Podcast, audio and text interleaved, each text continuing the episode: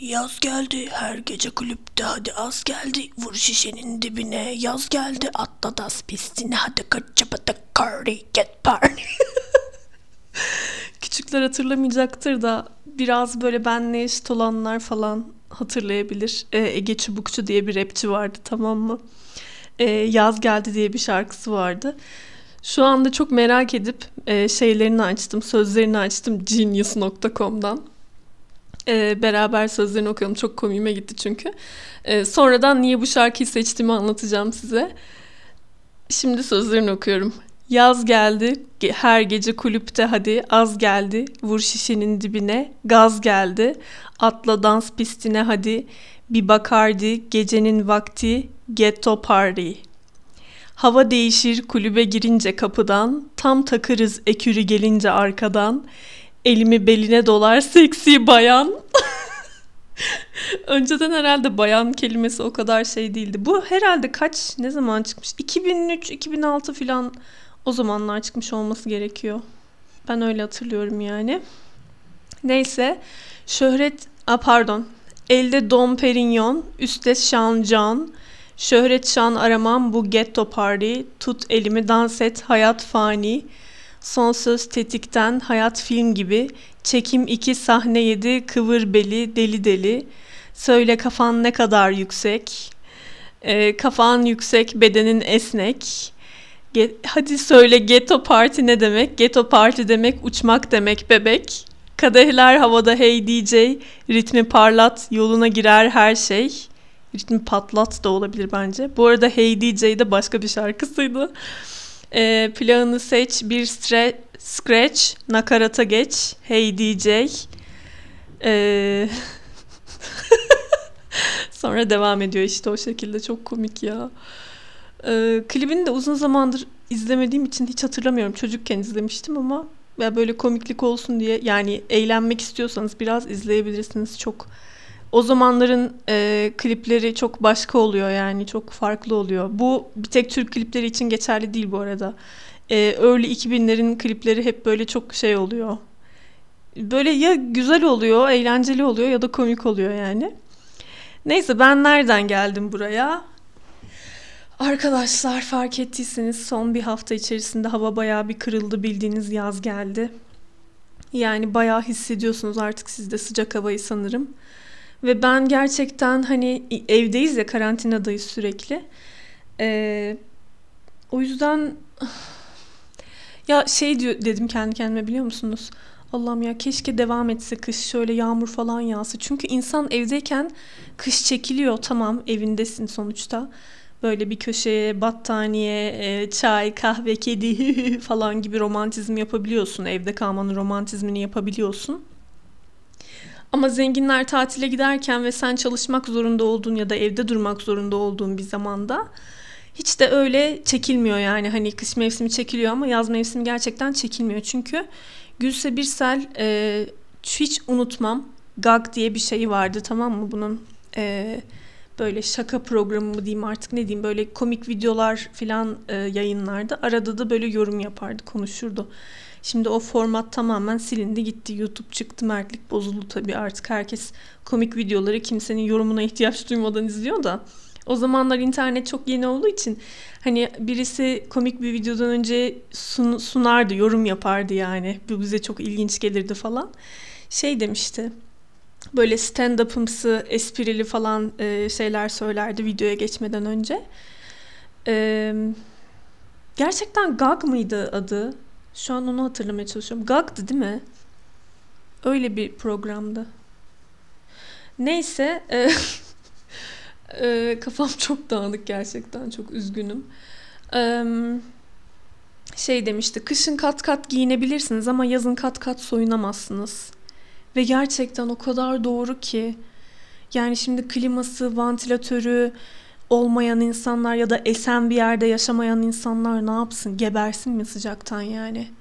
Gerçi şey biliyor musunuz? E, belki e, Akdeniz veya Ege bölgesinde yaşayanlar bilir ama ben gerçekten oralarda hiç yaşamadığım için bilmiyorum. Yani böyle orta halle herhangi bir ailenin kliması oluyormuş. Yani hani bu şey gibi çamaşır makinesi, bulaşık makinesi gibi bir gereklilikmiş. Çünkü gerçekten klimasız yaşanmıyormuş oralarda diye e, duydum yani. Bilmiyorum. Te- teyit etmeniz gerekebilir yorumlarda. Sıcaklar yavaş yavaş gelmeye başladı. Ben de biliyorsunuz e, şimdi hep e, hayatım boyunca işte Trabzon, İstanbul falan gibi hep deniz kenarlarında yaşadığım için ve hiç İç Anadolu gibi böyle güneşi gerçekten ya zaten buraya ilk taşındığımda hep şey diyordum ya güneşin siktiğimin memleketi ya gerçekten öyle. Hani böyle ilik, iliklerinize kadar hissediyorsunuz. Tepenize böyle şaplak atıyor güneş yani. Öyle böyle değil. Ee, ve hani hissediyorum. Şu anda şimdi bahar havası tabii ki. Çok mutluyum yani bahardan dolayı. Mayıs boyunca bence o kadar şey olmayacak ama bir Haziran geldiğinde aman Allah'ım yani böyle yumurta gibi pişeceğiz gibi duruyor. Zaten küresel ısınmayı biliyorsunuz. Geçen gün bir e, iklim bilimci konuşuyordu.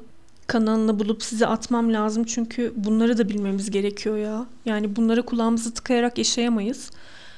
Şey dedi en önemli e, şey dedi küresel ısınmanın en önemli belirtilerinden yani insanların en çok e, sallayacağı şeyden başladı konuşmaya.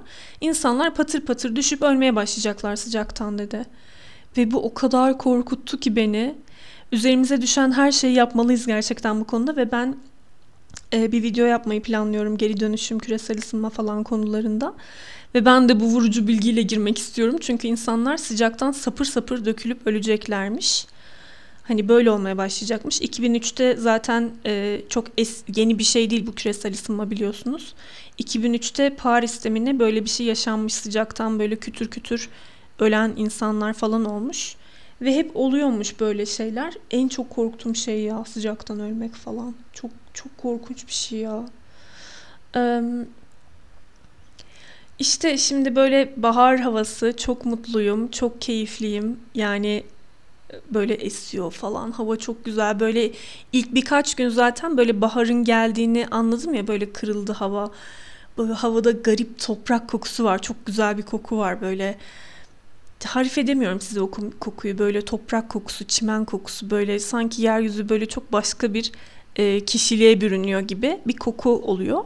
Ve sonra herhalde burnumuz o kokuya alıştığı için artık alamıyoruz galiba ama o ilk o kokuyu aldığınız an çok güzel. Hani yazın ilk böyle e, sera domatesi değil de böyle gerçekten güzel domates yediğinizde damağınızda patlar ya onun tadı. Aynı onun gibi işte çok güzel bir koku. Böyle camları açıyorum. Ee, bir şey yapacaksam yatağımın üstünde böyle hava eserken yapıyorum. Defterlerimi falan her şeyimi yataklara ya da pencere önlerine falan taşıyorum. İnanılmaz keyifliyim falan. Ama içimden diyorum ki yaz gelecek ve e, ebemiz sikilecek. Ne yapacağız bilmiyorum. E, bir de yani şimdi bahar böyle en çok hani en güzel havalar sonuçta. İnsanların böyle dışarıya çıkıp gerçekten böyle havayı içine çekmeleri gereken bir şey. Ee, hava olduğunu düşünüyorum. Böyle bir atmosfer olduğunu düşünüyorum yani. Ama insanları evlere tıkıyorlar. Hiçbir sike de yaradığı yok. Çünkü aşı olmadığı sürece eve tıkılsak ne olacak yani? Evde kapmayacaksın. 15 gün sonra kapacaksın. Hiçbir mantığı yok yani. Bu arada sürekli şikayet ediyorum ya ben koronadan falan. Of Meryem ya of falan gibi hani böyle bazen çok şey yapanlar oluyor. Hani insanları şeye teşvik ediyorsun hani böyle dışarı çıkmaya bilmem ne falan ama o kadar böyle e, ya insan böyle şey yapıyor bir yerden sonra büyük bir hayal kırıklığı yaşıyor. Böyle Allah'ım diyorsun nasıl olur ya? Hani iki yıl boyunca nasıl biz? Yani bu kadar teknoloji gelişti bu kadar e, her şey süper olması gerekirken nasıl oluyordu? Biz evlerde tıkılıyoruz. Gerçi şimdi e, üniversite yılları, lise yılları çalınan e, insanlar da var. Onlar aslında daha da üzücü onlar için. E, ama bilmiyorum ya sonuçta hayatımızdan iki yıl böyle saçma sapan bir şekilde çalındı. Zaten doğru düzgün bir hayat yaşamıyorduk. Ama şimdi daha beter sanki böyle daha beter bir e, şey oldu. Hayatımıza daha beter bir darbe vuruldu gibi. Bir de sürekli gençler şöyle gençler böyle biz gittik yurt dışına gençler gidemiyor, gençler şunu yapamıyor, gençlerin yılları kayboluyor falan diye konuştukça gençleri de böyle durduk yere hani olmadık bir şekilde depresyona sokuyoruz gibi hissediyorum. Hani onlar da sanki ne olacak e, bu dünyanın hali hiçbir bok yapamadık işte çok kötü hayatımız falan gibi.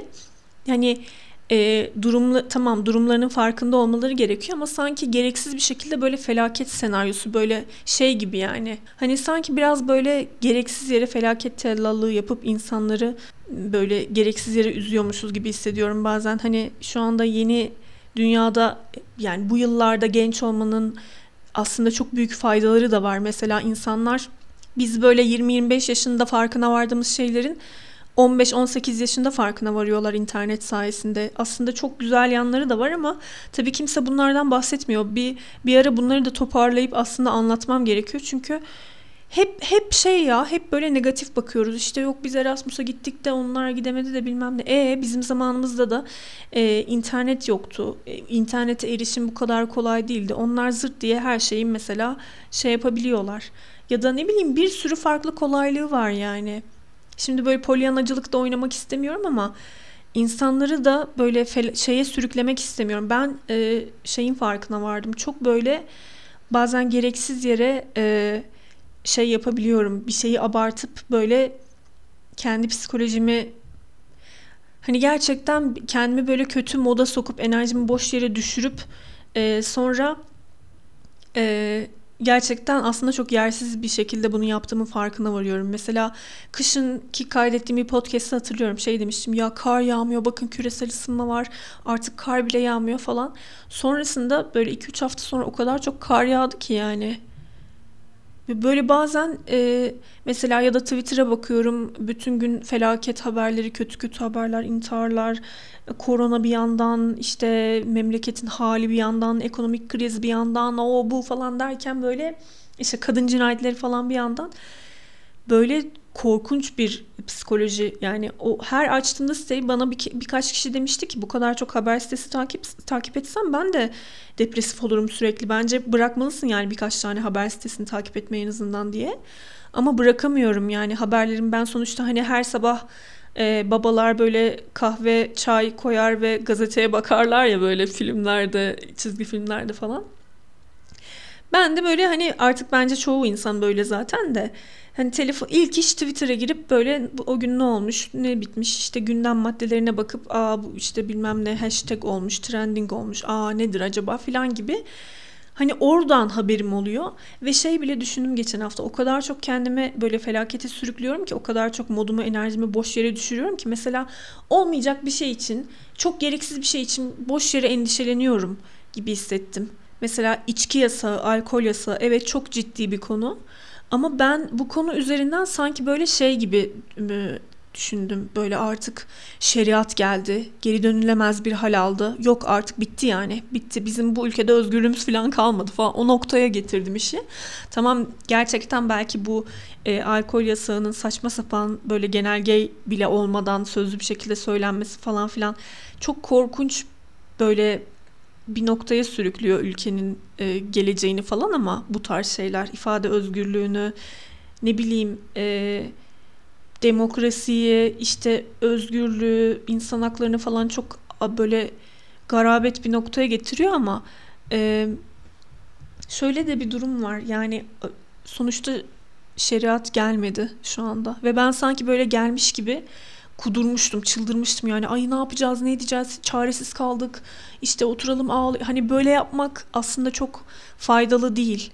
Ya da işte atıyorum sokakta bir hayvan görüyorum. Aman Allah'ım bu hayvan e, besleniyor mu? Benim mi beslemem lazım? İşte hemen mama almalıyım. Aa ben işte bu hayvan ölecek ben burada olmazsam falan. Oysa ki belki de benim gibi ona mama veren bir başkası da var.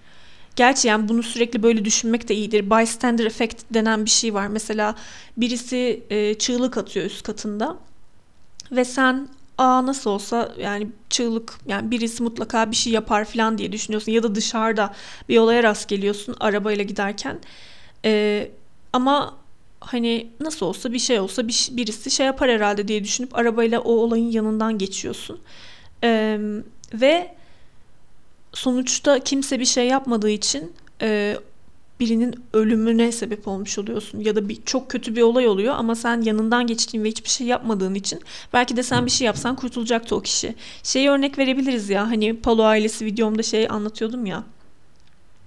E, bu Tuncer denen orospu çocuğu şeyi e, Emine'yi mi birini bir ağaca bağlıyor ya.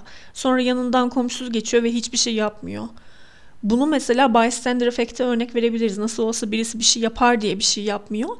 Ee, ve herkes nasıl olsa birisi bir şey yapar, birisi bir şey yapar deyince bu sefer kimse bir şey yapmıyor. O zaman da çok kötü oluyor ama e, aynı şekilde şu da çok zararlı. Aman Allah'ım ben bir şey yapmazsam e, kimse bir şey yapmayacak. O yüzden her şeye ben koşmalıyım. Bu da insanın psikolojisini çok yorar ve insanın kendisine çok zararlı. Hani kendi işini yapamaz hale gelirsin. Böyle bayağı e, ne insanda üretkenlik kalır ne e, kafan başka bir şey kaldırır. Hiçbir şeye yani mecalin kalmaz. Hiçbir şeyi üret üretmeye halin, hiçbir şeyden keyif alamazsın. Çünkü aman Allah'ım orada bana ihtiyaç var, burada bana ihtiyaç var. Ben olmazsam hani böyle sanki süpermensin, kahramansın. Kendini böyle bir psikolojiye sokmak yani. O da iyi değil. Hani bystander efektle bunun arasını bulmak gerekiyor. Mesela şöyle arayı buluyorum ben. Tamam kapımın önündeki 8 tane köpekten ben sorumluyum. Aşağıdaki e, 7-8 kediden de ben sorumluyum. Ama bu benim sokağım ve ben aşağı sokağa inmeyeceğim. Aşağı sokaktaki köpekleri beslemeyeceğim. Onların onlar e, alttaki sitelerin sorumluluğu falan diyorum mesela kendi kendime. Çünkü eğer demezsem bunu eğer şey yaparsam aa ben o sokağa da besleyeyim işte buraya da mama götüreyim bak burada yaralı bir hayvan var bilmem ne falan diye düşünürsem bu sefer hani benim şey olmam lazım yani gönüllü hayvan aktivisti olmam lazım. Başka hiçbir iş yapmamam lazım. Benim e, ana işimin bu olması lazım. Çünkü o zaman yani aksi takdirde gerçekten yetişemez insan yani hiçbir şey yetişemezsin. Kendi hayatını kaçırırsın yani. O yüzden dediğim gibi o arayı bulmak ve kendi güzel bir sınırı belirlemek gerekiyor bu noktalarda ve ben bunu gerçekten beceremediğimi e, hissediyorum bazen. Yani ya da çok yakın bir zamana kadar beceremiyordum diyeyim. Böyle her şeye yetişmeye, her şeye koşmaya çalışıyordum. Her mesaja cevap vermeye çalışıyordum mesela. Oysa ki biliyorum ki siz benim her mesaja yetişemeyeceğimin farkındasınız. Hepsini okuyamayacağımın ya da bütün yorumları okuyup kalpleyemeyeceğimin işte herkesle birebir konuşamayacağımın farkındasınız. Siz benden bunları bekleyerek bu kanala gelip beni dinlemiyorsunuz zaten. Ya da işte bu podcast'te diyeyim. Çünkü beni bu podcast'le e, tanıyanlar da varmış. Ben herkes kanaldan geliyordur diye varsayıyordum.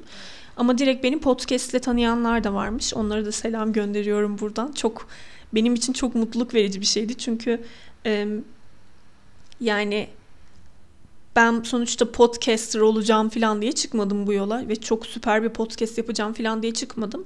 Sırf böyle videoda konuşamadığım ve uzun uzun muhabbet edebileceğimiz konuları e, rahatça konuşmak, editsiz bir şekilde salmak için ortamı o şekilde açmıştım ama gerçekten hani dinleyip sohbetimi beğenip gerçekten podcast'ten sadece gelenler olması çok şaşırttı beni ve çok da mutlu etti.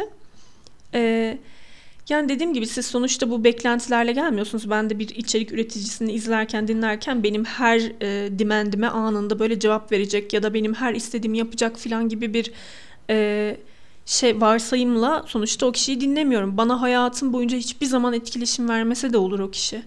Yani ben onu yine de dinlerim, severim. Saygı duymaya e, ve sevmeye, keyifle içeriklerini tüketmeye devam ederim. Kimse bana hiçbir şey borçlu değil. Ee, ama bunu kendime anlatamıyorum mesela. Sanki böyle yani ya da anlatamıyordum. Çok yakın bir zamana kadar böyle her şey için kendimi paralamam gerekiyormuş gibi hissediyordum. Oysa ki öyle bir dünya yok yani. Öyle bir dünya olduğunu e, varsayıyor bazı kişiler. Mesela sizle Twitter'da geçen bir şey paylaşmıştım ne demek ya? İşte video atmıyorsun. Salı dedin çarşamba dedin. Bak perşembe oldu hala atmadın. Hak etmiyorsun sen bizi. Bak e, canlı yayın atıyorsun geçiştirmek için. Çalışmıyorsun. Anca link paylaş falan. Sanki sanki bana şey e, maaş ödüyor. Yani YouTube'dan maaşımı o veriyor. E, azar yani. Çok garip ya. Yani böyle bir psikolojide olmak için bilmiyorum. Çok çok acayip bir şey. Yani ya çocuk bunu yazan kişiler ya da gerçekten benim onlara bir şey borçlu olduğumu düşünen e, kocaman kocaman insanlar ki umarım birinci seçenektir. Umarım ikinci seçenek değildir. Çünkü böyle insanlar e, hayatımızda olursa çok korkunç bir yer olurdu dünya yani. E, neyse işte e, yani böyle güzel bir denge kurmak gerekiyor işte ondan bahsediyorum. E, nereden geldik bu konuya? Ha ee, bahardan filan bahsettim. Ee, korona filan dedim. Ee, koronadan bu kadar şikayet etme sebebim e, yani dediğim gibi o yaşadığım büyük hayal kırıklığı nasıl olur da e, biz bunu kontrol altına alamayız? Nasıl olur da dünyada herkes aşılanamaz ve teknoloji bu kadar geliştiği halde e, bundan kurtulup işimize bakamıyoruz falan gibi. Yani böyle sanki her podcast'in başında şikayet ediyormuşum gibi oluyor ama hani gerçekten beni sıkan bir durum olduğu için aslında bunun hakkında konuşuyorum. Ve şimdi size şeyden sıcak havalarda geliyor ve onlardan şikayet edecektim ve hani şunu düşündüm kendi kendime. Daha gelmedi ya geldiği zaman şikayet edersin yani değil mi? Bazen böyle gereksiz yere hani endişeleniyorum, gereksiz yere her şeyden şikayet ediyorum. Bu bence e, şeyin kattığı bir şey. Yani şu an bir pandeminin içindeyiz ve e, psikolojimiz gerçekten çok bozuldu. E, bunun yanında çok korkunç zamanlar yaşıyoruz ülke olarak. Yani bütün bu şeylerin bizi çok sıktığını, daralttığını ve bunun bir dışa vurumu olduğunu düşünüyorum ben. Hani bir şey hakkında endişeleneceksek ve şikayet edeceksek bile bunu yapmaya aylar öncesinden, haftalar öncesinden başlıyoruz. Çünkü e, sinirimizi atacak, öfke öfkelenecek, öfkemizi atacak bir yer lazım, bir şey lazım ve bunun hani bir şey ya bir de şey yani böyle anksiyetik olduk. Yani her şey hakkında endişeleniyoruz. Hayatımız hakkında endişeliyiz, ekonomimiz hakkında endişeliyiz, işte ülkemizde ne olacak bunun hakkında çok endişeliyiz. Bir yandan da salgın hastalık ve eve tıkılıyız. Hiçbir şey yapamıyoruz. Kimimiz yakınlarıyla görüşemiyor, e, kimimiz işe gidemiyor, işini yapamıyor, e, parasızlık çekiyor, kimimiz e, ne bileyim işte yapması gerek yapmak istediği başka etkinlikleri, güzel şeyleri yapamıyor korona yüzünden. Hani normalde tatile gidiyoruz ama şimdi tatile gidemiyoruz ee, falan filan yani hani herkesin farklı farklı bir derdi var sonuçta. Ama bunlar için endişelenmeye hani daha olay başlamadan başlıyoruz ve bu da bence salgın psikolojisinin ve e, ülkenin genel halinin e, yarattığı psikolojinin bir sonucu da olabilir diye düşünüyorum ben. Yani kendimizi çok suçlamamamız gerekiyor. Şimdi 2-3 yıl sonra belki de bu yaşadıklarımız aklımıza gelecek ve diyeceğiz ki abi biz nasıl yani nasıl sabretmişiz ya nasıl çekmişiz falan diyeceğiz gibi hissediyorum ben. Yani şu anda yaşamakta olduğumuz şeyler bize çok kolay, çok şey geliyor. Ya da ya yaşıyoruz işte ya filan diyoruz. Ama belki 3-5 yıl sonra aklımız almayacak yani bu dönemlerden nasıl geçtik, nasıl e, hayatta kaldık falan böyle nasıl kafayı yemeden yaşayabildik falan. Bunları belki de diyeceğiz ki vay be vay anasını yani böyle bir dönemde olmuş ve ben bu dönemi de geçirmişim falan diye kendimizde gurur duyacağız belki de yani.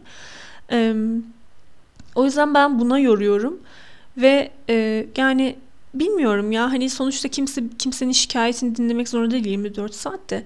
Ya arada da hayattan şikayet edebilirim be abi ya yani. Çünkü çok boktan hayatlarımız var şu anda öyle ya da böyle. Hani en zengin insanın bile e, koronadan dolayı yapam gerçi bilmiyorum onlara işliyor mu da. şu an ne yaptım biliyor musunuz? E, podcast yapmak için bilgisayarı, mikrofon falan salona taşıdım. E, burada çünkü şey balkon, pencere falan böyle havayı görebiliyorum, rüzgar esiyor falan böyle çok güzel oluyor. Ee, Fatih de ba- öbür yer, şey kapıdan mutfaktan balkona sigara içmeye çıktı. ve böyle bana bakarak benim podcast kaydettiğimi gördü ve komik komik dans etti böyle ben de ona güldüm.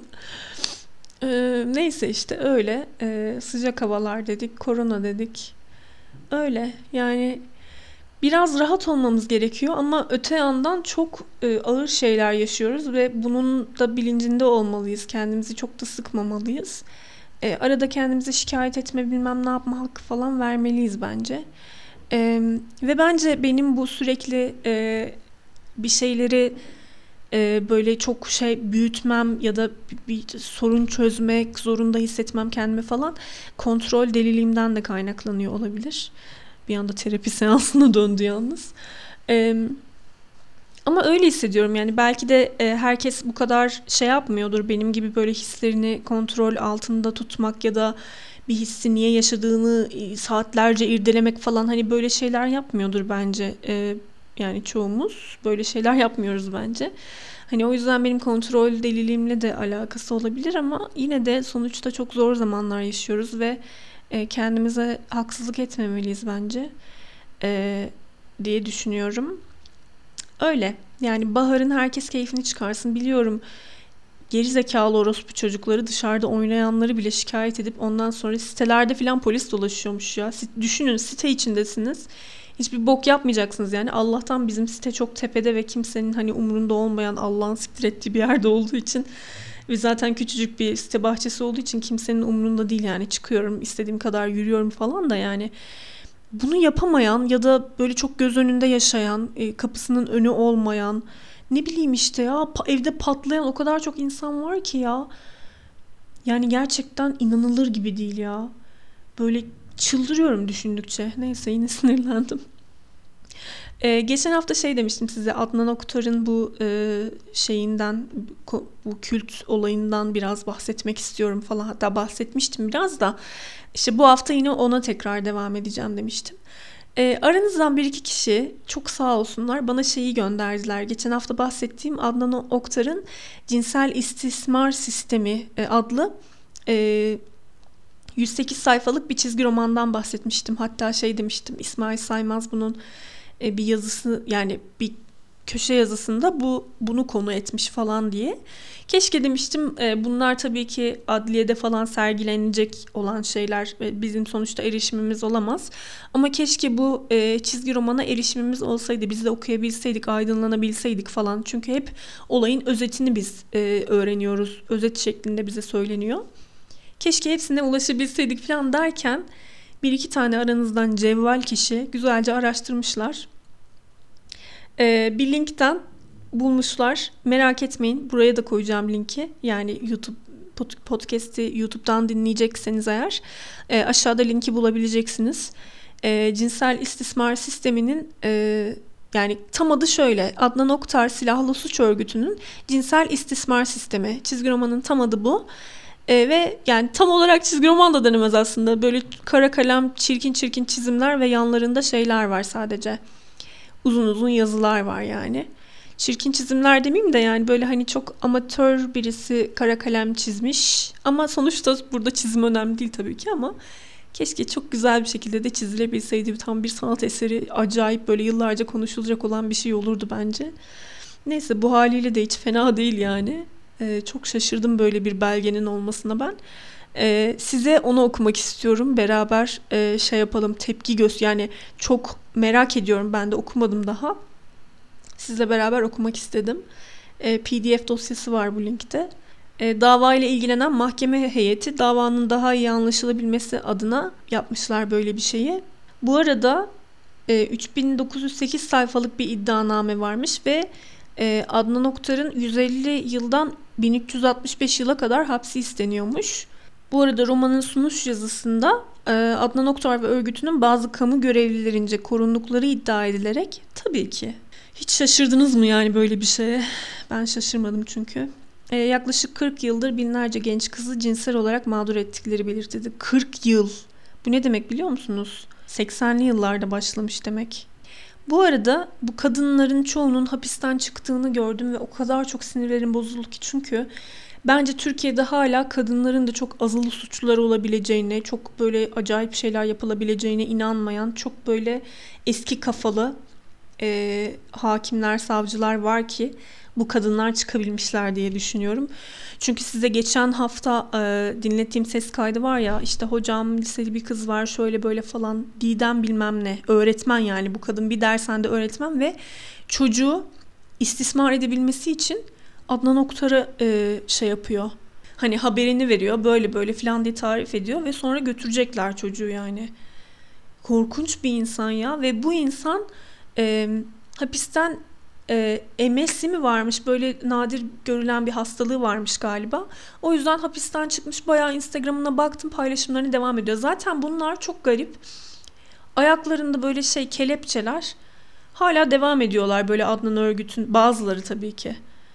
Bazıları bu arada hepsi değil. Mesela Ceylan Özgül tamamen kesinlikle reddediyor. Ama o zaten hani reddettiği için ve o insanlarla artık anılmak istemediği için bile ölüm tehditleri falan aldığını söylüyor da. Ee, bazı kadınlar hapisten çıkmış böyle hani aklanmış demeyeceğim çünkü sonuçta bu örgütün içindeydi bunlar da. Hani mağdur suçlayıcılık yapmak istemiyorum ama şimdi bu Didem denen kadının e, başka birine başka bir çocuğu istismar ettiğini yani başka bir çocuğu istismar ettirilmek üzere Adnan Oktar'a e, götürmek istediğini artık öğrendiğimde artık bu kişi de şey haline geliyor yani. Olayı yapanlardan biri haline geliyor. Ya buradaki birçok kadın e, hani belki kiminiz şey diyebilir paylaşılmış psikoz, kiminiz ne bileyim işte yıllardır beyni yıkanmış da öyle olmuş falan diyebilir de gerçekten 3-5 tane başında kadın var ve bunlar tehlikeli kadınlar yani istismara böyle ön ayak olan bayağı aktif bir şekilde hizmet eden kadınlar. O yüzden onlara hani şey yapamıyorum. Sadece mağdur diyemiyorum. Kendileri de artık bu istismar suçunu e, işliyor oldukları için. Neyse baktım böyle bayağı bazıları ke- kaf- ayaklarında kelepçe bayağı devam ediyorlar. Hani fotoğraf paylaşmaya ve Adnan Oktar'ın lehinde böyle güzel paylaşımlar falan yapmaya. Bazıları Adnan Oktar hakkında paylaşım yapmıyor ama hala böyle hayatlarını devam ediyorlar. O Didem denen kadının da baktım. Ee, şey yani ne demek bu ya? Yani sen öğretmensin ve orada e, öğrenci kızlara alıcı gözüyle bakacaksın ve hmm, bu Adnan Oktar tarafından e, bir, işte kedici, kedicik olarak yetiştirilebilir falan diye oradan öğrenci seçeceksin yani. Hani böyle pislik bir şey yapan bir insan bilmiyorum ev hapsi midir nedir hani cezasını çekmeli. Bayağı dışarı çıkıyor, geziyor, ediyor. Korkunç bir şey yani. Çok sinir oldum. Hani bu, bu kadınlar da serbest bırakılmamalıydı bence. Bilmiyorum ya. Neyse. Ee, başlayalım çizgi romanı okumaya. Adnan Oktar Silahlı Suç Örgütü'nün cinsel istismar sistemi. Başında ağlayan böyle bir telefonda bir şeye bakarak ağlayan bir kadının kara kalem resmi var. Ön söz bu kitapta yer alan bilgiler Adnan Oktar Silahlı Suç Örgütü'nün yargılanmakta olduğu 2009 313 numaralı dosyada yer alan dijital deliller, müşteki mağdur ve etkin pişman ifadeleri, teknik ekip, dinleme ve ses teypleri değerlendirilerek bir araya getirilmiştir. Devletin resmi makamları tarafından ele geçirilen bu önemli veriler, örgütün tuzağa düşürmek için hedef olarak seçtiği genç kızlara yıllar boyunca hangi aşamalarda, hangi çalışılmış ve sistematik tuzakların kurulduğunu somut olarak göz önüne sermektedir. 40 yıldır binlerce kızı cinsel olarak mağdur etmiş olmasına rağmen örgütün silahlı ve korkutucu gücü ve kamu kurum kuruluşlarındaki bazı kirli eller bu korkunç istismar sisteminin ortaya çıkmasını engellemiş ve karşısına kimsenin çıkmaya cesaret edemediği bu silahlı istismar örgütü varlığını bugüne dek sürdürmüştür. Yani mutlaka ben dedim ya şimdi size nasıl bunlar bugüne kadar hiçbir şey olmadan devam ettiler. Mutlaka bir şeyler oluyor yani arka planda koruyan birileri falan ya da ne bileyim işte para veren, besleyen bir şekilde bizim bilmediğimiz bir sürü bok dönüyor yani. Bilemeyiz de işte yine de insan şaşırıyor yani. Dava dosyasında ifadesi alınan 70'e yakın mağdur kızın yaşadığı olaylar hale mahlasıyla anlatılmaktadır. Diyalogların tamamı ifade ve dava delilleriyle sabit olan konulardır ve hepsi tamamen gerçektir. Oha ya. Aileler ve genç kızlar dikkat. Bu kitap Adnan Oktar Silahlı Suç Örgütü'nün tuzağa düşürdü binlerce kızan sadece birinin gerçek hayat hikayesidir. Avukat Eser Çömlekçioğlu. Bu arada birkaçınız bana mesaj attı. İnanamıyorum ya. Böyle çok iyi tanıdığım, takip ettiğim falan birkaç kişi daha mesaj attı. İşte bu kız bunlardan bana da yazıyorlardı. İşte bir kız sürekli bana işte şöyle şöyle yapalım, seni şuraya götürelim, lüks arabalar, zart falan. Hani aranı, aranızdan çok ucuz kurtulanlar var. Bu da beni çok şaşırttı. Çünkü ben asla ne üniversitede ne internetteki varlığım boyunca hiçbir şekilde böyle insanlara rast gelmedim. Bilmiyorum bu da benim şansım mı artık? Gerçekten çok şaşırdım yani. Bu kadar derine işlemiş olduklarını bilmiyordum ben. Ya aslında onun fikri ne biliyor musunuz? Ee, hani ailenin çocukla sağlıklı bir şekilde iletişim kurması ve ilgilenmesi ve çocuğun da bu yüzden aileyle sağlıklı bir iletişim kurduğu için e, dışarıdaki e, ne idüğü belirsiz insanlara güvenmemesi ve e, ya şey demek istemiyorum ailenizin sözünden çıkmayın asla ailenizle her zaman aranız en iyi olsun ve diğer herkesi kopartın falan demek istemiyorum. Sadece böyle parazit insanları e, normal insanlar arasından eleyecek kadar e, sosyal ve analitik zeka sahibi olabilmekten bahsediyorum ben.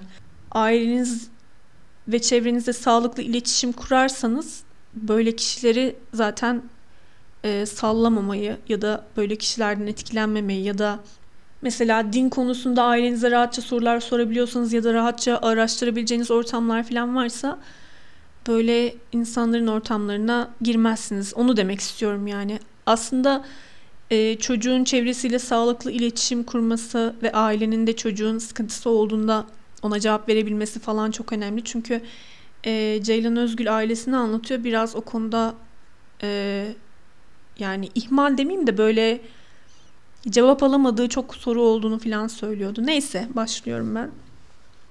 Bora Hale'yi alışveriş merkezinde hedef hedefini alır. Alışveriş merkezi diyor ama Hermes falan var arkada böyle hani pahalı bir alışveriş merkezi. Kanyon gibi falan yani.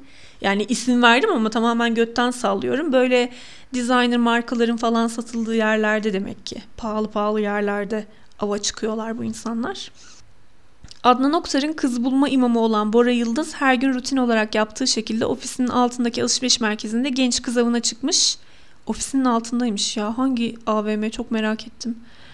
Ve tam hedef kitlesinde olan bir kişiyi gözüne kestirmiştir. Şu an var ya Hermes olan ve üst katı ofis olan bütün AVM'leri araştırasım geldi. Neyse belki de sallamasyon yazılmıştır bilmiyorum.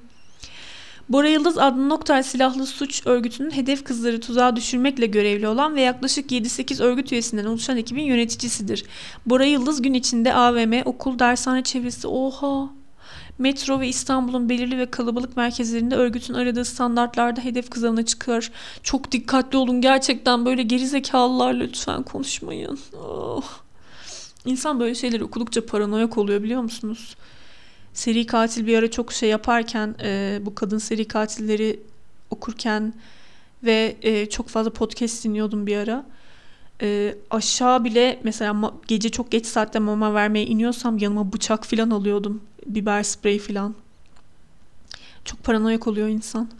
Neyse. E, Bora hedef şahsın bir de arkasından süzer. Bora Yıldız genç kızı görür ve kriterlere uygun olduğuna karar verir ve tanışmak için harekete geçer. Bir de arkadan süzüyormuş. Götü güzel mi falan mı demek istiyor acaba anlamadım.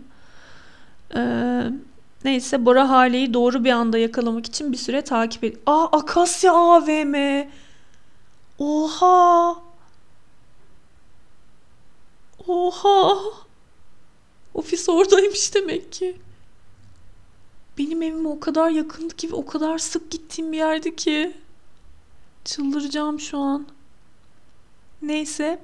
Ee, Bora Yıldız Hale'yi bir süre takip ederek tanışma hamlesi için doğru zamanı kollamaktadır. Bu takip esnasında hedef şahsı tahlil eder ve ona hangi stratejiyle yaklaşacağına karar verir. Vakko'nun önünde şu anda Hale. Ve Bora Hale'yi doğru bir anda yakalar. Bora Yıldız Hale'yi lüks bir mağazanın önünde yakalar ve ilk hamlesini yapar. Hale'nin önünü kesip iletişim kurmaya çalışır. Pardon biraz önce sizi gördüm. Rahatsız etmek istemiyorum ama merak ettim. Acaba siz herhangi bir ajansa bağlı mısınız? Modellik yapıyor musunuz? Bir de böyle hani alımlı, işte güzellik standartlarına çok güzel uyan, fiziği falan böyle çok şey Hani tam o dediğim standartlarda işte saçları uzun, sarı, renkli gözlü falan. Bence böyle insanlara çok yaklaşıyorlardır. Çünkü genelde ajans majans e, tipler hep bu bu tiplerle çalışıyor ya. Yani kısa boyluysan işte ne bileyim renkli gözlü değilsen e, onların radarlarına hemen giremiyorsun falan. Bu da büyük bir aptalca bir durum ve saçmalık da. Neyse. Hmm. Herhangi bir ajansa bağlı mısınız? Modellik yapıyor musunuz? Hayır yapmıyorum ama neden sordunuz? Bizim bir reklam ajansımız var. Çok güzelsiniz. Sizi bir projede değerlendirmek isterim. Siktirin gidin. Ya var ya üniversitedeyken bize çok şey geliyordu. Ee, böyle dört günlük falan fuarlarda çalışıyorsun. Tercümanlık falan yapıyorsun ya da hosteslik hizmeti yapıyorsun. Ee, ve işte belli bir para alıyorsun. Atıyorum günde 80 lira 100 lira falan gibi. Ee, o zamanlar böyle çok e, sketchy, böyle çok şüpheli, tuhaf tuhaf ajanslar da böyle şey yapıyor. Yani hani seni oyuncu yapacağız bilmem ne diye böyle yaklaşan yerler de oluyor.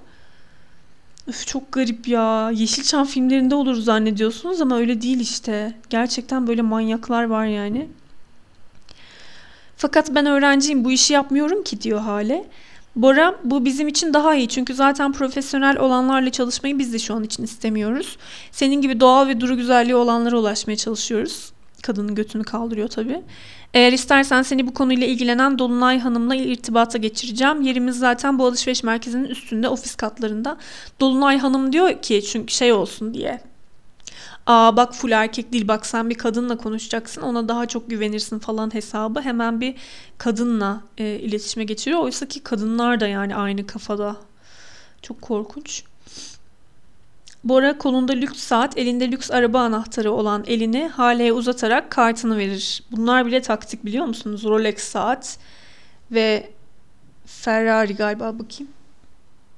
Pardon, po- Porsche. Porsche diye mi okunuyor, Porsche mi? Hala e, hep böyle merak ederim ama hiç internetten e, böyle zahmet edip de bakmadığım bir şey. Neyse e, Porsche anahtarı var elinde. Bir de Rolex saat var. O eliyle uzatıyor kartı. Abi çok acayip ya. E, Bora Yıldız vereceği kart vizitinde ismine Can adını da eklemiştir. Bora Can Yıldız.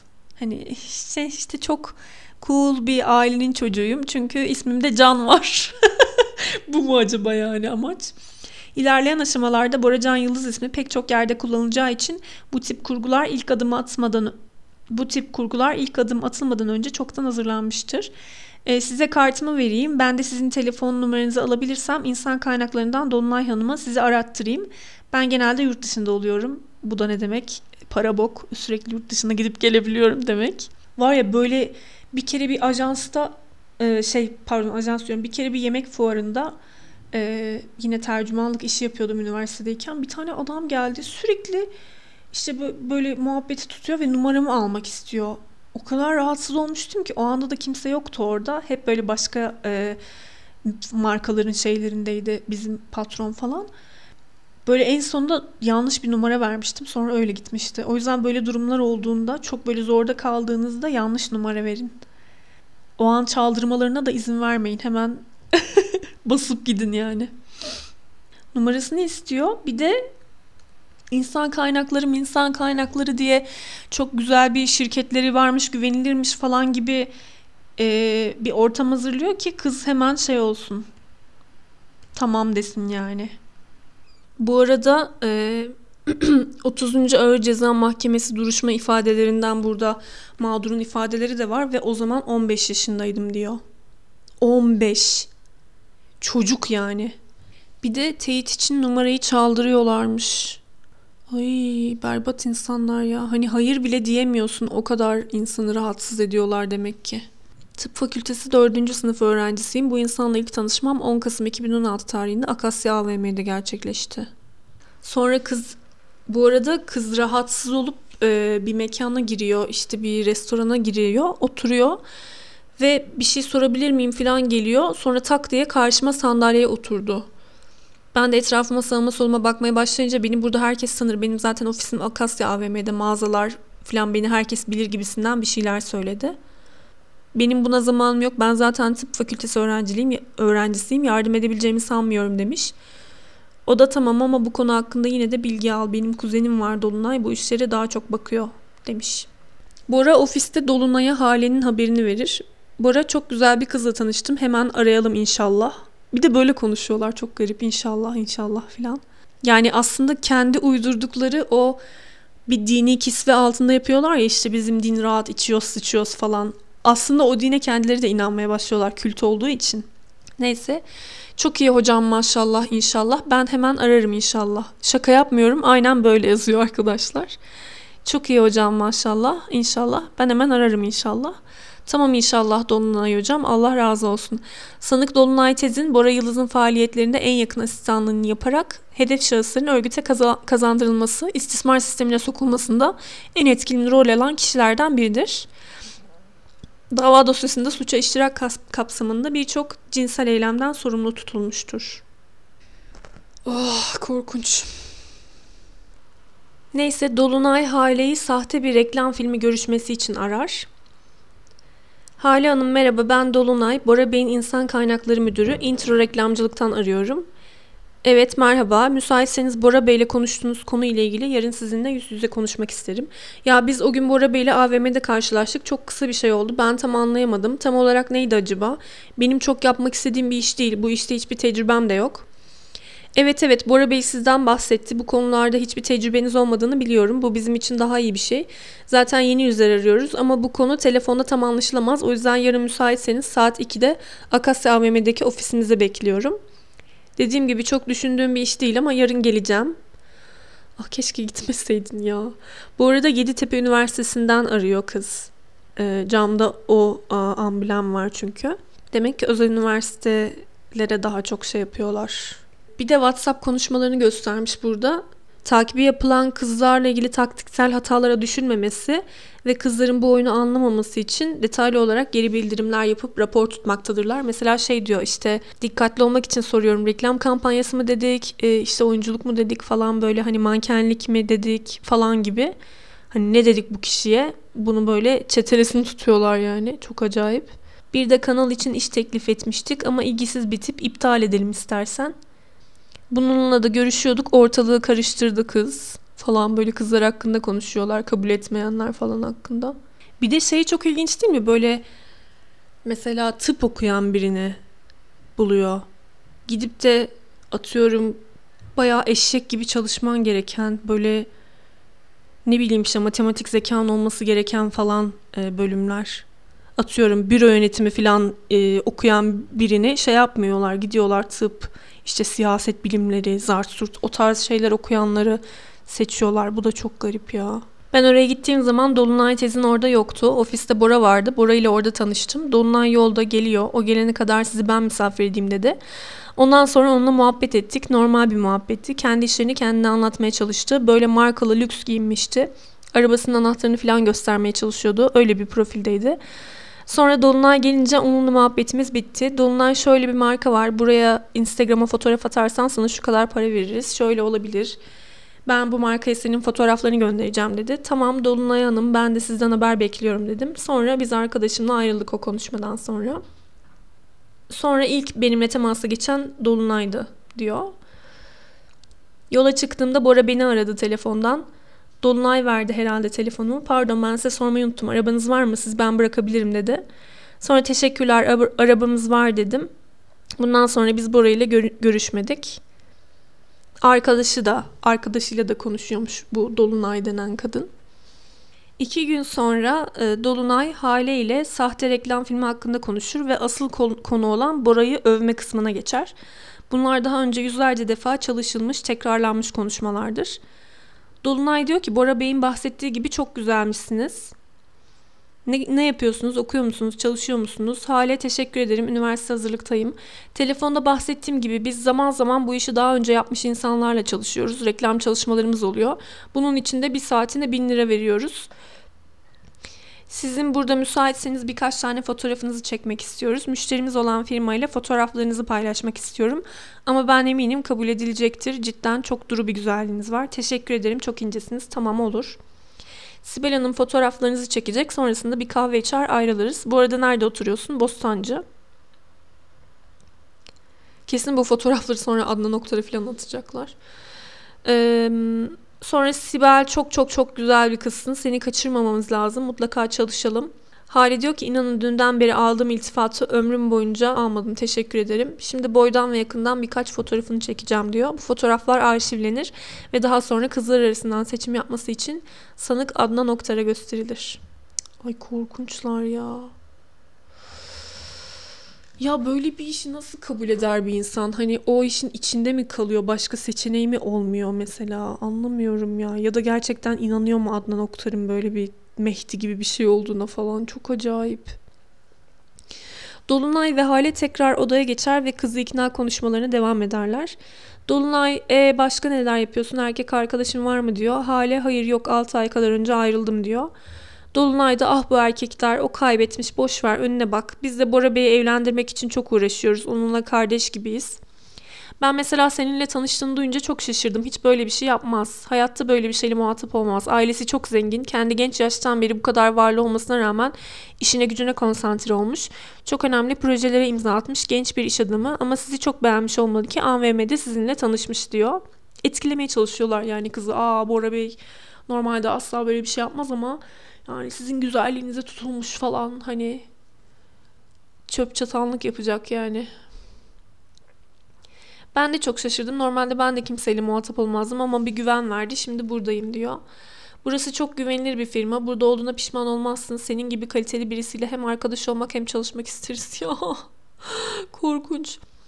Dolunay haleden yer bilgisini aldıktan sonra çaktırmadan mesajla Bora'ya haber verir. Ne yaptınız hocam? Çok iyi geçiyor hocam inşallah. Fotoğraflarını çektik. Bostancı'ya gidecek. Siz iki dakika kadar sonra gelip sıcak yapın. Sıcak yapın ne demek acaba? Böyle garip garip de terimleri var kendi aralarında kullandıkları. Önceden belirlenen kurgu gereği Bora tam kendisinden bahsedildiği sırada içeri girer. Selam aa geldin mi? Merhaba nasılsın? Seni gördüğüme çok sevindim diyor kıza. Halide merhaba evet Dolunay Hanım'la konuştuk sanırım çalışacağız diyor. Dolunay da o Bora Bey hoş geldiniz. Biz Hale Hanım'la çalışma konusunda anlaştık. Hatta gelecekle ilgili dedikodu yapmaya bile başladık diyor. Burada iki tane gülen surat noktalama işareti ve D ile iki tane gülen surat konulmuş. Bora ve Do- inanamıyorum ya bunların böyle resmi belgeler hani mahkemede sunulan şeyler olduğuna çok garip. Smiley var. Ee, Bora ve Dolunay rollerini en güzel şekilde oynayarak neşeli ve güzel bir ortam oluştururlar. Nasılsın, nasıl gidiyor? Detayları konuşabildiniz mi? Halide diyor ki iyiyim teşekkür ederim. Evet Dolunay Hanım'la konuştuk sanırım çalışacağız. Siz nasılsınız? Teşekkür ederim iyiyim. Ya Dolunay Hanım hale ne kadar sevimli ve doğal bir insan değil mi? Ya sormayın insan bakmaktan kendini alamıyor. Teşekkür ederim mahcup ediyorsunuz. Dolunay Hanım'a da söyledim. Hayatımda daha önce hiç bu kadar iltifat almamıştım. Yok bu söylediklerimiz iltifat değil gerçek. İyice şımartmaya falan çalışıyorlar böyle. Yağlıyorlar, ballıyorlar falan ki e, kız kendini gerçekten öyle hissetsin ama çok manipülatif bir şey aslında böyle. Kız da farkında zaten aslında. Hayatımda hiç bu kadar iltifat almadım falan diyor da. Of çok korkunçlar. Bu arada çizimler hala var. Ben böyle şey yapıyorum. Çizimli olanları size okuyorum. Mahkeme ifadeleri çok uzun olduğu için onları aradan seçip okuyorum. Merak ediyorsanız hepsini gidip kendiniz okuyabilirsiniz. Dolunay halinin nereye gideceğini sohbet sırasında öğrenip Bora'ya haber verir. Burada bu bilgiyi bir sonraki aşama için kullanır. Neyse ben gitmek zorundayım. İçeride biraz işim var. Daha sonra çıkacağım diyor. Dolunay'da ne tarafa gidiyorsunuz? Ee, Bora'da Suadiye diyor. Hale de Bostancı'ya gidecek sanırım. Size zahmet olmazsa onu da bırakır mısınız? Yo yo zahmet olmasın ben kendim giderim hiç gereği yok. Olur mu ne zahmeti yolumu 5 dakika uzatacağım ben bırakır, bırakırım.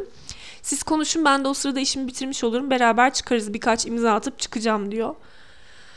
Ay ya anladınız değil mi işte şey diyor Bostancı dediği için e, önceden anlaş, anlaşmışlar Suadi. Aa ben de o tarafa gideceğim falan diyor. Kızı sırf arabaya almak için lüks aracı göstermek için oynanan bu oyunda başarıyla sonuçlanır. Bu aşamada yaşı reşit olmayan genç kıza kendisini zengin tanıtmak için lüks aracı göstermek önemli bir aşamadır.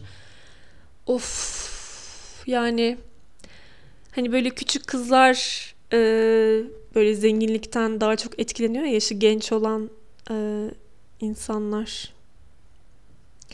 Yani bunu çok olgun bir kadına yapsam pek etkilenmez belki ama kız vay be ne kadar zengin, aa arabaya bak falan diye düşünüyor olabilir. Bence o yüzden zaten küçüklükten yetiştirmek ve kolay manipüle etmek için şey yapıyorlar. Aynı model lüks arabanın her gün farklı bir rengini kullanarak gelir. Planın her ince detayı kızın aklını başından almaya kodlanmıştır. Buyurun Hale Hanım. Ya zahmet veriyorum size. Ne zahmeti sen ne iyi bir insansın. Ee, gülücük smiley konulmuş. Bora Adnan Oktar'ın tavsiyesi üzerine hedef kızı evlenme idealinden bahseder ve iyi bir eş profili çizer. Biz aslında yurt dışında bir inşaat şirketinin sahibiyiz. İnşaat mühendisiyim ben İTÜ'den mezunum. Bu arada tam konuşamadık. Sen neler yapıyorsun? Ben üniversiteye bu sene girdim. Ben kader kısmete çok inanan biriyim. Ay. Şey Esra Erol'daki çay içme teklif edecek olan adamlar gibi konuşuyor. O gün seni orada görmem bir tesadüf değil tamamen kader. Ee, o gün evden 3 dakika geç çıksaydım veya 5 dakika erken çıksaydım arabanın yan koltuğunda oturmayacaktın ama kader bizi bir araya getirmek istemiş şu an buradayız. İnanın ben de hayatımda ilk defa böyle bir olayın içerisindeyim ama Dolunay Hanım o kadar güven verdi ki ve sizin tanışma şekliniz de o kadar medeni oldu ki ben de buradayım diyor. Hayatın insana ne getireceğini bilemeyiz. Ben işten güçten vakit bulup yeterince sosyalleşemedim. Annem evlenmem konusunda baskı yapıyor fakat hiç öyle bir alanım olmadı. Hep iş arkadaşlarım ve seyahatler. İn, inan ben de şu anda yanımda senin gibi bir kızla Bostancı'ya gideceğimi hayal edemezdim. Her şey nasıl da denk geldi. Ay. Bora kendini zengin göstermek için önceden torpido, torpidoya deste deste para koyar ve kızı etkilemek için bir bahaneyle torpidoyu açıp onları gösterir. Canım önündeki torpidodan gözlüğümü verebilir misin? Tabii ki. Hale torpidoyu açar ve dolar desteleriyle karşılaşır. Valla ben de artık anne sözü dinlemeye karar verdim. Çok şükür her şeyi elde ettim. Evlenip annemleri torun sahibi yapmak istiyorum. Umarım her şey istediğiniz gibi olur diyor Hale. Bora Hale arabadan inmeden önce yarın için Hale ile randevulaşır. Görüşmek üzere diyor sonra. Bu arada e, duruşma ifadelerinden bir şeyler okuyacağım size. E, korumayla geziyorlar. e, X-ray cihazından geçerken elinde evrak iş çantasını yere düşürdü. Sanırım bunu bilinçli olarak yapıyorlar. Çünkü çanta yere düştüğünde X-ray'den geçmeden önce paralar, dolarlar yerlere saçıldı. Tek tek bunları topladı. Eee Sonra işte etkilemek için yine İngilizce yurt dışı bağlantılı bir iş görüşmesi yaptı ve yüksek meblağda bir paradan bahsedildi. Daha sonrasında bir hafta yurt dışında olacağından bahsetti ve bu süreçte sürekli WhatsApp'tan iletişim halinde e, olacağımızdan bahsetti. Daha sonra Kanyon AVM'de lüks bir... Aa Kanyon'a da işte yani. Karşıda da Akasya burada neyse karşıda da Kanyon. Bu arada sanki oradaymış gibi konuşuyorum hala Ankara'dayım yani. Neyse Kanyonda lüks bir mağazaya girdi ve tahminen 15 bin liradan 7,5 bin liraya düşen ayakkabı ve ceket vardı. Bu fırsat kaçmaz diyerek 7,5 bin liraya ikisini de kendine aldı. Oradaki amacı kendisini zengin gibi göstermekti ve bu yolla beni etkilemeye çalışıyordu. Sonra yemeğe davet etmiş. Anadolu Hisarı'nda lüks bir lokantada yemek yemişler e, yemek yerken bana kendisinin iş adamı olduğunu ve zengin adamların koruma ile gezmek zorunda olduğunu, bunun sadece bir prosedür olduğunu, tedirgin olacak bir şey olmadığını söyledi. E, ben 4-5 farklı koruma gördüm Bora'nın yanında ve silah taşıyordu. E, aracı da zırhlıymış. Benim arabamı binmeyeceğini çünkü onda zırh olmadığını söylemişti diyor. Hale eve dönünce burayı internette araştırmaya başlar. Ulusal TV kanallarına çıktığı röportajlar, dergi yazısı ve fotoğraflar görür. Örgütün hazırladığı tuzakta her detay çok ince tasarlanmıştır. Zengin ünlü iş adamı profilini destekleyecek sahte röportajlar, TV haberleri, fotoğraflar örgüt tarafından sosyal medyaya servis edilmiştir. Aslında o röportajlar sahte logolar eklenerek örgüt üyeleri tarafından bilgisayar ortamında hazırlanmıştır. Çüş ya. Çüş gerçekten. Bu düzeneyi bilmeyen hale Bora'nın ulusal kanallarda röportaj verdiği izlenimini edinir. İçindeki şüpheleri biraz olsun giderir. Bora'ya karşı daha güvenli olur. Oha kurgu röportajlar var. Ekran görüntüleri var bakmanız lazım. Sayfa 29'da Show TV'ye çıkmış gibi göstermişler. Sol üstte Show TV, ATV amblemleri falan var ve adam e, bir mikrofona konuşuyor ama yok yani gerçekten Photoshop olduğunu azıcık aslında inceleseniz anlarsınız. Çünkü Show TV'nin altındaki yazılar o tarz değil mesela. Başka çıkıyor. O şekilde çıkmıyor da. Ay tüylerim diken diken oldu ya bakmanız lazım. İnanamıyorum ya. Bir de bir dergiye verdiği röportaj var ki orada işte intro grup İstanbul falan gibi sanki ajans çok böyle güvenilirmiş falan gibi tanıtılmış. Armani ile fotoğrafları var falan. Dubai'deki Armani'de fotoğrafı var. Çok korkunçlar ya. E tabi yani Google'da böyle aratsan bir kişiyi ve böyle şeyler görsen sen de güvenirsin değil mi?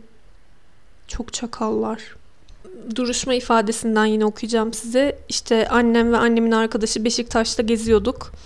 Bir erkek koşarak yanımıza geldi ve hepimize merhabalar asla kötü bir niyetim yok. Çok güzel, çok zarif, çok kaliteli bir kızınız var. Niyetim asla tanışmak değil. Ben inşaat işiyle uğraşan bir iş adamıyım. Bilgi Üniversitesi'nde hocalık yapıyorum. Şimdi de reklamcılık sektörüne atılacağım. Swarovski ve Pandora gibi markalar için reklam yüzü arıyoruz. Bu reklam yüzlerini daha çok sosyal medya mecraları üzerinde kullanacağız. Kızınız çok güzel. Bizimle tanışmak ister mi?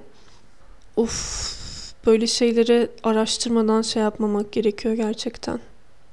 Ee, Annem konuşmayı kesip ilerleme amacıyla lütfen böyle şeyler söylemeyelim dedi. Çünkü annem e, yoğun iltifatlardan rahatsız olmuştu. Bu erkek şahıs da annem öyle deyince beni lütfen yanlış anlamayın. Ben size kartımı vereyim. Beni Google Man'de araştırın.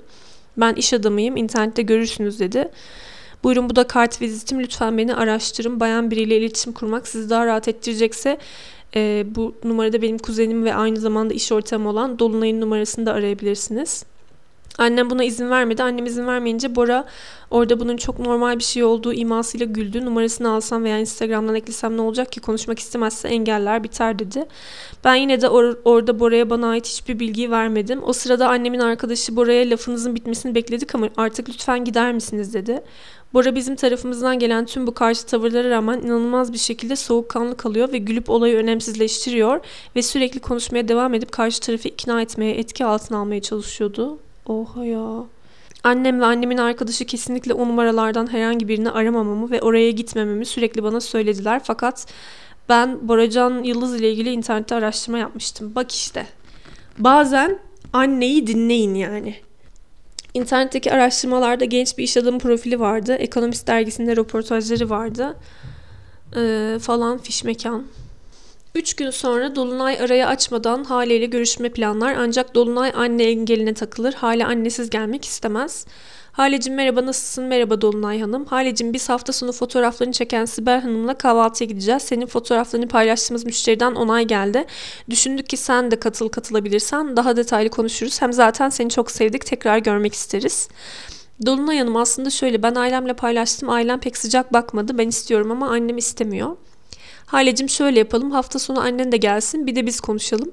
Annemle bir konuşayım konuşmadan evet demek istemiyorum ama size de zahmet veriyorum. Birçok güzel kız bulabilirsiniz. Bence hiç uğraşmayın zaten benim tecrübem gerçekten yok. Olur mu öyle şey Halecim biz seni çok sevdik. Sen kendindeki potansiyelin farkında değilsin. Müşteri çok beğendi annenle de konuşup ikna ederiz. Bora'nın sonradan dahil olması üzerine planlanan kahvaltı Dolunay, Hale, Hale'nin annesi ve Sibel arasında gerçekleşir. Oha ya anneyi de manipüle edecekler yani. Figen Hanım çok kaliteli bir evlat yetiştirmişsiniz. Biz kızınızla çalışmak istiyoruz ama siz çok sıcak bakmamışsınız sanırım. Evet kızıma çok emek verdim. Bir kızım var babasıyla ayrıyız. Ortam çok bozuk insan kim, kime güveneceğini bilmiyor. Amacım kızımın okuyup iyi bir yerlere gelmesi. Onun için mücadele ediyorum. Kızıma hem anne hem baba oldum. Bu zamanlarda bu hiç kolay değil. Siz de bir gün anne olursanız anlarsınız. Ay o kadar üzüldüm ki kadına ya şu an. Figen Hanım hiç merak etmeyin. Kızınızla çok kısa zamanda abla kardeş gibi oldu. Korkunç bir insan bu Dolunay denen kişi ya. Çok düzgün bir kız yetiştirmişsiniz. Zaten bu iş zannettiğiniz gibi uzun bir iş değil. Patronumuz Bora Bey özellikle kızınızla çalışmamızı istedi. Okulunu aksatmasını biz de sizin kadar istemeyiz. Anlıyorum. Açıkçası ben de sizleri sevdim. Siz de çok düzgün insanlara benziyorsunuz. Okuluna engel olmayacaksa çalışabilirsiniz. İkna ediyorlar yani bir şekilde. Ee, üç gün sonra Dolunay, Bora ve Hale akşam yemeği yiyorlar. Bu güzelimizi zar zor ikna ettik. Annesi başta izin vermedi diyor Dolunay. Tabii ben de Hale'nin annesi olsaydım aynı şekilde yaklaşırdım. Figen Hanım bu konuda çok haklı. Hale gördüğüm en güzel kızlardan biri. Annemin endişesi çok normal çünkü normal bir şekilde tanışmadık. Fakat annem Dolunay Hanım ve Sibel Hanım'ı görünce güvendi. Yok hak veriyorum ama korkulacak bir şey yok. İşe haftaya başlıyoruz bu yüzden bu zarfı almanı rica ediyorum. Yok hiç gerek yok işe başlayalım o zaman verirsiniz bunu kesinlikle kabul edemem diyor. Olur mu öyle şey Halicim bu kesinleşen bir iş bu bir ön ödeme sen de öğrencisin bize o kadar vakit ayırdın bunu alman gerekiyor. İnanmıyorum ya. Para veriyorlar bir de ya of. Bora Hale'yi yine eve bırakır ve ertesi gün için randevulaşır. Halecim iki gün sonra tekrar yurt dışına gideceğim ve muhtemelen bir ay dönemeyeceğim. Gitmeden seni bir kez daha görebilir miyim? Olur yarın görüşelim. İyi geceler haberleşiriz ben seni alırım diyor. Ay çok güzel gitti. Gerçekten sarıyor yani ama e, podcast çok uzamaya başladı. Kaçıncı sayfadayız? E, yavaş yavaş anneyi falan ikna ediyorlar. 38. sayfaya geliyoruz. E, burada bırakalım bence bir sonraki bölümde, bir sonraki podcast bölümünde 38'den 108'e kadar olacak şekilde 70 sayfayı okuyacağım size ve yorumlar yapacağım. Ee, of sonu çok kötü. Neyse ee, bir şey söyleyeceğim ya. Tamam çok merak ettirdim size bakın edin filan dedim ama çok uzadı. O yüzden lütfen Bu hafta bakmayın tamam mı o pdf'e. Merak edene şey koyacağım. Merak edene link koyacağım. Ee, size güvendiğim için. Yani koymaya da bilirdim. Ama e, size güveniyorum ve koyuyorum. Ama bu hafta bakmayın. Okumayın yani. Haftaya ben size okuyacağım tamam mı? Ee, neyse. Bugünlük bu kadar olsun. Ee, kendinize çok çok iyi bakın. Öpüyorum hepinizi. Hoşçakalın.